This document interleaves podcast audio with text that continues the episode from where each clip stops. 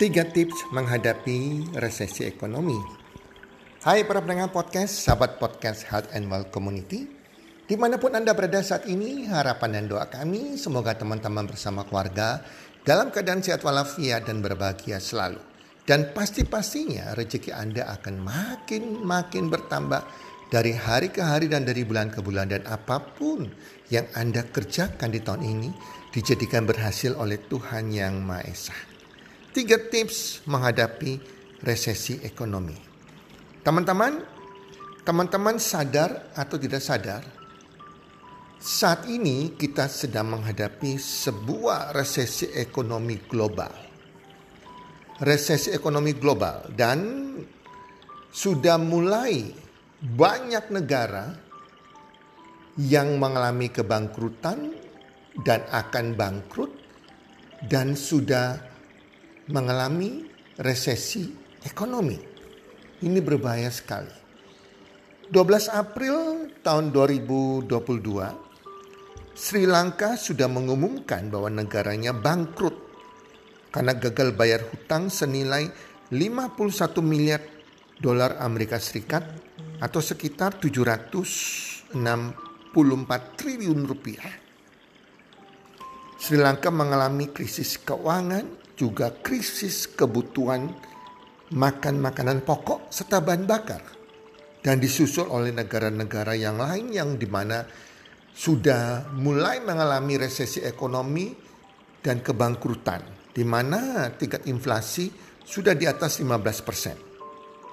Seperti Afghanistan, Argentina, Mesir, Laos, Libanon, Myanmar, Pakistan, Turki, Zimbabwe. Zimbabwe malah inflasinya tuh 130 persen teman-teman. Dan beberapa negara Eropa. Krisis ekonomi global ini seperti efek domino teman-teman ya. Jadi efek domino di mana satu negara mengalami ya akan disusul oleh negara-negara yang lain. Nah, Teman-teman ini kita harus sadari benar-benar. Karena krisis ekonomi yang terjadi di sebuah negara itu akan membuat terjadi krisis keuangan dalam sebuah keluarga. Dalam sebuah pribadi orang ke orang. Dampaknya ke sana teman-teman. Kalau kita cuek-cuek bebek, kita nggak sadari hal ini, kita nggak persiapkan hal ini, kita akan jadi korbannya teman-teman. Jelas teman-temannya, makanya di podcast kali ini saya akan membahas tentang tiga tips menghadapi resesi ekonomi yang akan berdampak kepada resesi keuangan kita secara pribadi. Nah, perang Ukraina dengan Rusia itu dampaknya meluas sekali teman-teman ya. Jadi sekali lagi Krisis ekonomi global ini terjadi karena berdampak efek domino. Indonesia termasuk negara yang berpot berpotensi resesi. Kita sadar tidak sadar, walaupun saat ini belum para-para amat, tetapi efek domino tersebut karena sebuah negara pasti berkaitan dengan negara yang lain entah ekspor maupun importnya. Itu sebabnya terjadi resesi, resesi global karena efek domino ini yang menyebabkan resesi global. Nah, teman-teman, kalau kita lihat ya, beberapa waktu yang lalu, sekitar seminggu yang lalu, di bulan Juli ini, dolar, mata uang dolar dengan rupiah itu sempat menyentuh nilai tukar 15 ribu lebih. Nilai rupiah turun. Ini sudah ciri-ciri. Ciri krisis sebuah ekonomi sebuah negara, resesi ekonomi sebuah negara, itu adalah dilihat dari nilai tukar mata uangnya. Terus kemudian harga-harga pangan, contohnya Anda lihat bawang merah, Lombok ya naik begitu luar biasa. Juga harga-harga barang di Indonesia sudah pada naik. Ini menunjukkan adanya inflasi. Dan inflasi merupakan ciri krisis ekonomi. Nah, teman-teman, kita masih bertahan, Indonesia masih bertahan karena kita masih ada kekuatan ekspor. Ekspor kelapa sawit, ekspor nikel, sehingga neraca keuangan kita masih bertahan. Tetapi juga kita banyak impor. Impor gandum, impor bahan-bahan yang lain teman-teman. Dan ini riskan sekali. Indonesia masih bertahan juga karena ada subsidi BBM. Pemerintah masih subsidi BBM sudah sampai 500 triliun lebih teman-teman. Nah, ini membuat tingkat inflasi tertahan. Tetapi kalau kita nggak subsidi BBM lagi, apa terjadi? Harga bahan bakar pasti naik luar biasa teman-teman. Kalau harga bahan bakar naik luar biasa, jelas biaya angkutan pasti naik. Ini efek domino yang terjadi di dalam mikro ekonomi dalam negeri. Kalau harga bahan baku, bahan bakar naik, harga transportasi naik, itu pengaruh semua kepada harga barang-barang akan naik teman-teman.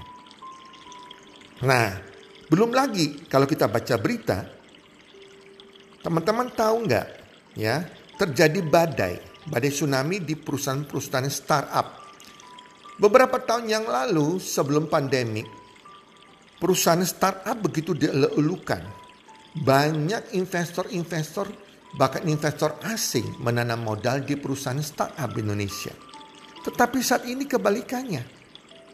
Terjadi tsunami, badai tsunami, badai PHK.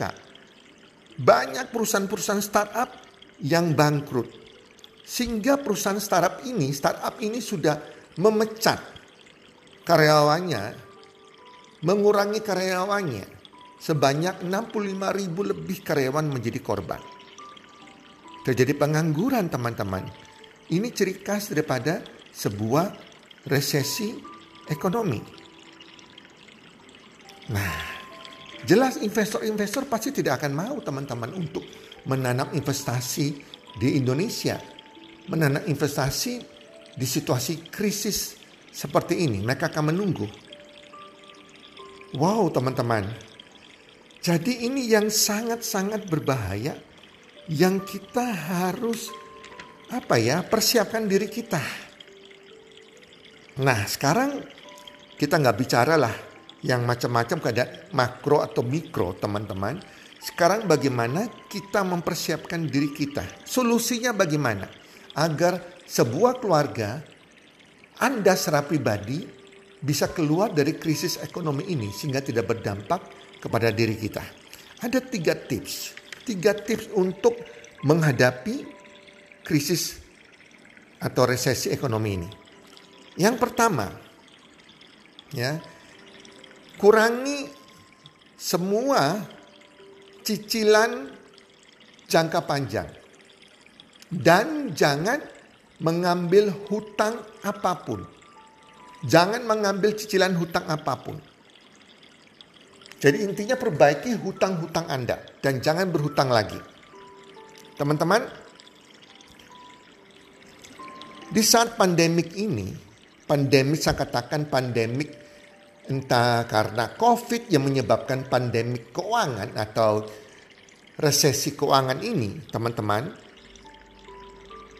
pemasukan kita pasti menurun. Anda kerja jadi pegawai lebih parah lagi. Anda punya satu sumber penghasilan saja. Pengusaha juga menghadapi masalah penghasilan mereka. Jelas semuanya penghasilan akan menurun. Sedangkan pengeluaran akan meningkat. Setuju nggak? Karena harga barang-barang sudah pada naik. Nah, sedangkan kita sendiri tidak bisa berbuat apa-apa terhadap situasi seperti ini. Nah, teman-teman, sehingga kalau Anda punya hutang, apalagi hutang jangka panjang, kalau Anda ada keuangan, ada uang lebih, segera lunasi hutang-hutang Anda. Jangka panjang tersebut. Karena ke depannya kita nggak tahu sampai kapan krisis ini akan berakhir. Karena ini menyangkut krisis ekonomi global. Bukan hanya krisis dalam negeri saja. Sehingga sangat akan lama bisa terjadi pemulihan. Itu sebabnya segera pangkas, segera lunasi cicilan jangka panjang jika bisa dilunasi. Karena bunga bank pinjaman itu akan naik. Dan jangan pernah berhutang lagi, jangan pernah mencicil apa pun dengan cicilan baru. Itu hutang. Karena sangat berisiko bagi keuangan Anda. Jelas teman-teman ya, jadi uh, kalau Anda katakan demikian, waduh, coach, cicilan jangka panjang saya seperti rumah, mobil ya, itu cicilan jangka panjang ya teman-teman ya. Gimana nih saya nggak punya nggak punya dana untuk melunasinya atau membayar cepat pelunasannya. Oke, kalau Anda saat ini tidak bisa melunasinya, mengurangi setidak-tidaknya, yang pertama jangan ambil hutang lagi. Oke, hutang apa pun itu. Mau cicilan jangka pendek, jangka panjang, stop berhutang. Ya, lakukan solusi tips ketiga yang akan saya bagikan nantinya. Jelas teman-teman ya. Kedua, jangan pernah berspekulasi. Berspekulasi untuk mengharapkan jalan keluar terhadap keuangan Anda yang sangat berisiko. Spekulasi itu di saat resesi ini sangat-sangat berisiko sekali teman-teman. Nah, spekulasi seperti apa? Ya, jadi jangan main uh, sesuatu yang tanpa logika, intinya roh spekulasi. Misalnya, ya, dengan adanya situasi krisis ini, pasti ya kripto atau Bitcoin itu akan turun. Orang sudah takut yang namanya investasi. Mereka cari investasi kepada hal-hal yang aman, misalnya di logam mulia misalnya. Jadi jangan Anda pikir atau jadi teman Anda, waduh, saya akan investasi ke kripto atau Bitcoin dan teman-temannya karena sudah murah banget. Jangan. Jangan pernah melakukan spekulasi itu. Spekulasi ujung-ujungnya adalah risiko keuangan. Bukan keluar dari masalah keuangan. Apalagi Anda tidak tahu punya ilmu tentang kripto. Tentang trading kripto. Itu sangat berbahaya. Mungkin teman Anda katakan juga, oh harga saham lagi menurun nih. Ya, saham-saham di Indonesia menurun. Saatnya beli kayaknya. Oh jangan coba-coba. Sekali lagi, situasi krisis ekonomi ini, resesi ekonomi, cash is the king. Strategi pegang uang itu adalah yang lebih aman. Apalagi Anda tidak mengerti punya ilmu main saham. Jangan asal spekulasi. Itu sangat-sangat bersiko. Ada penawaran-penawaran. Justru situasi-situasi seperti ini banyak sekali penawaran-penawaran jebakan Batman. Anda harus hati-hati ya. Yang semuanya spekulasi. Yang menawarkan iming-iming supaya bisa cepat kaya sehingga Anda kadang terpikir, oh ini mungkin solusinya. Solusi bagi keluar dari masalah keuangan Anda. Oh no, Anda akan terjerumus makin dalam. Itu jebakan Batman, jebakan orang-orang jahat yang sengaja mengambil keuntungan di situasi seperti saat ini. Penawaran seperti investasi bodong yang memberikan manfaat keuntungan yang tidak masuk akal dengan dengan keuntungan satu persen per bulan, ada yang satu persen per minggu. Robot-robot trading, ya, hati-hati money-money game akan bermunculan. Jangan coba-coba di situ. Itu jebakan Batman semua. Jelas teman-teman ya. Jadi jangan berspekulasi di tengah resesi yang sedang terjadi. Spekulasi itu membuat Anda akan tambah parah keadaan keuangan Anda. Jelas teman-teman. Yang ketiga, tips yang ketiga yang Anda harus fokus adalah tingkatkan penghasilan Anda. Teman-teman, kita nggak bisa mengontrol, mengontrol yang namanya resesi ekonomi yang terjadi di dunia maupun dalam negeri. Kita nggak bisa mengontrol teman-teman. Yang bisa hanya negara.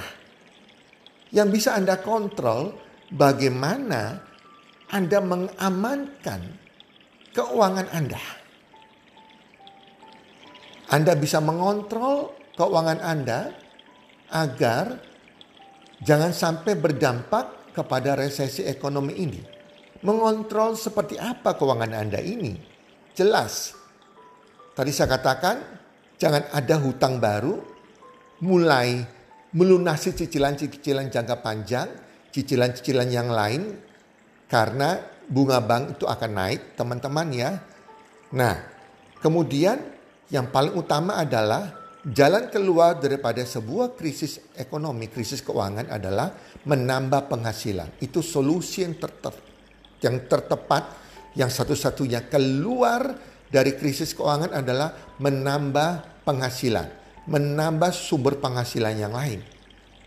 Bagi Anda yang hari ini masih masih bekerja, bekerja ikut orang yang cuma punya satu sumber penghasilan, ini sangat riskan sekali, sangat berbahaya sekali Kenapa demikian? Contohnya penghasilan Anda mungkin uh, gaji Anda 10 juta per bulan. Sedangkan pengeluaran rumah tangga Anda mungkin 7-8 juta per bulan. Sebelum adanya resesi, ada 2 juta mungkin yang ada ada sisa yang Anda bisa tabung. Tetapi dengan terjadi resesi ekonomi ini, di mana bahan-bahan makanan naik, harga-harga pada naik semuanya, pengeluaran Anda mungkin bukan 8 juta lagi, mungkin sekitar 12 juta teman-teman. Penghasilan Anda 10 juta, gaji Anda 10 juta, pengeluaran 12 juta. Anda akan defisit 2, 2 juta setiap bulan. Ini berbahaya sekali. Ini harus Anda sadari. Belum lagi kalau Anda kerja ikut orang, tiba-tiba terjadi PHK massal atau pengurangan pegawai atau yang tidak mau di PHK gajinya dipotong 50%, tinggal 5 juta gaji Anda. Apa terjadi? 5 juta pengeluaran 12 juta. Anda bisa bayangkan nggak? Sangat mengerikan sekali. Akan berdampak kepada keluarga Anda. Belum lagi tiba-tiba perusahaan Anda bisa aja tidak kuat menghadapi krisis dan berhenti karena bangkrut. Ini terjadi di setiap krisis banyak perusahaan-perusahaan yang bangkrut. Itu sebabnya kita harus smart, harus sedia payung sebelum hujan. Jadi Anda harus keluar dari krisis keuangan dengan menambah sumber penghasilan yang lain. Anda sudah mulai merencanakan punya penghasilan yang lain. Jangan duduk diam. Nanti sudah jadi korban, Anda akan menyesal. Jadi sedia payung sebelum hujan. Saat ini, sekarang ini bertindak mulai mencari sumber penghasilan yang lain untuk menambah penghasilan Anda untuk bisa keluar dari krisis ekonomi yang terjadi. Anda mulai hitung-hitung, hitung-hitung, hitung-hitung. Saat ini ya penghasilan Anda berapa? Contohnya 10 juta, pengeluaran Anda berapa? Misalnya 8 juta. Anda melihat, waduh ya kita harus uh, naikkanlah misalnya harga-harga barang naik sampai 30% misalnya. Berarti 30% kari pengeluaran Anda yang 8 juta tersebut berapa? Ya sekitar berarti uh, sekitar 2, 2 sampai sekitar 3 juta paling aman. Berarti Anda harus menambah penghasilan tambahan 3 juta per bulan. Itu minimal teman-teman. Jelas teman-teman ya. Jadi ini yang harus harus harus apa ya Anda rencanakan. Dan bagaimana mendapatkan tambahan penghasilan 3 juta per bulan untuk atasi harga-harga barang yang akan naik ke depannya. Anda harus cari cari sumber penghasilan kedua. Cari pekerjaan-pekerjaan di luar jam kerja Anda.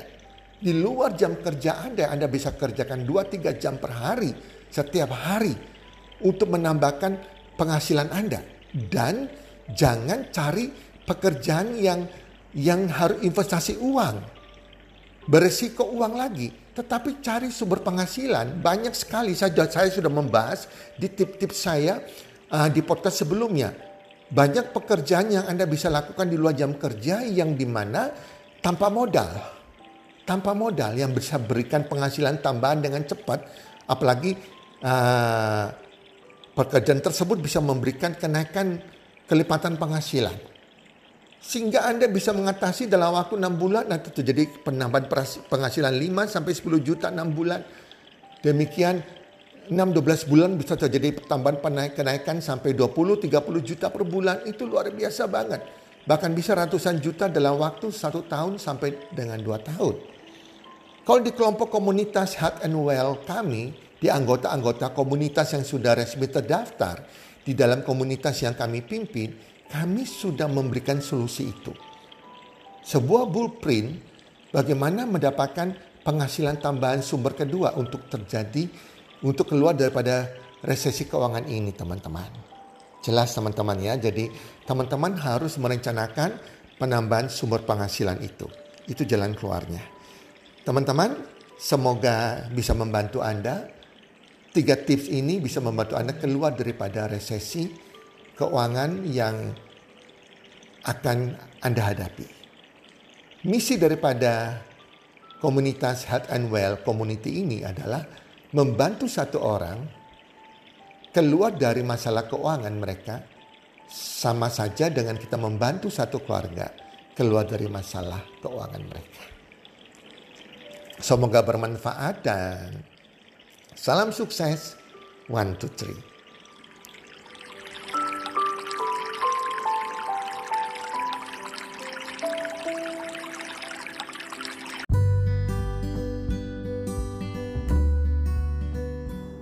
Terima kasih sudah mendengarkan podcast kami. Teman, jika Anda rasa bermanfaat podcast kami ini, Anda bisa menginfokan kepada rekan kerja Anda, keluarga Anda, teman ataupun sahabat Anda.